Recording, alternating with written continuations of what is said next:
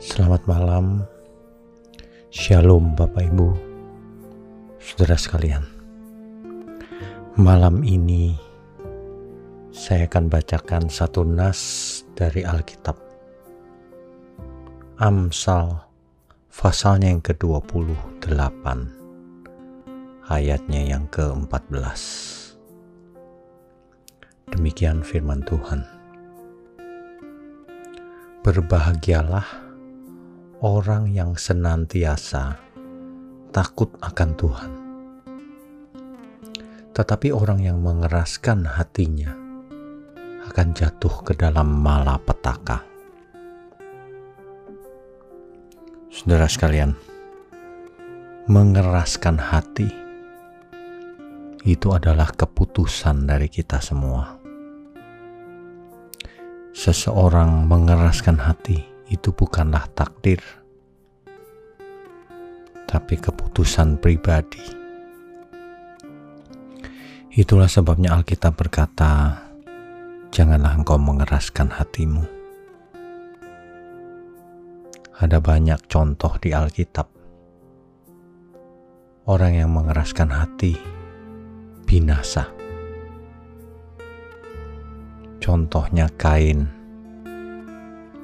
Kain mengeraskan hatinya, meskipun sudah ditegur oleh Tuhan, supaya ia tidak panas hati, supaya ia menguasai kemarahannya itu.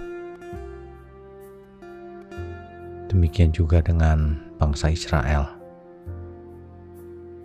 Mereka mengeraskan hati ketika keluar dari Mesir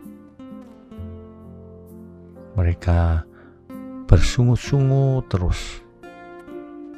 Padahal mereka melihat banyak sekali mujizat yang luar biasa.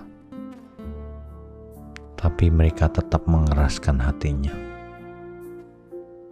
Sehingga satu generasi semuanya tidak masuk ke tanah perjanjian kecuali Yosua dan Kaleb. Contoh lain yang sudah jelas adalah Fir'aun. Fir'aun mengeraskan hatinya lima kali, enam kali beserta tongkat menjadi ular.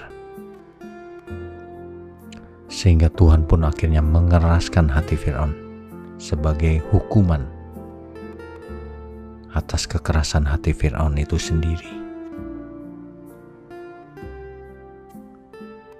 Seseorang yang mengeraskan hati, ia tidak bisa bertobat. Hatinya keras, tidak mau dididik, tidak mau berubah, tidak mau bertobat. Hari ini pun banyak orang mengeraskan hati hanya karena merasa sudah Kristen, lalu menolak untuk berubah, belajar, mengeraskan hati, akan berujung pada kebinasaan.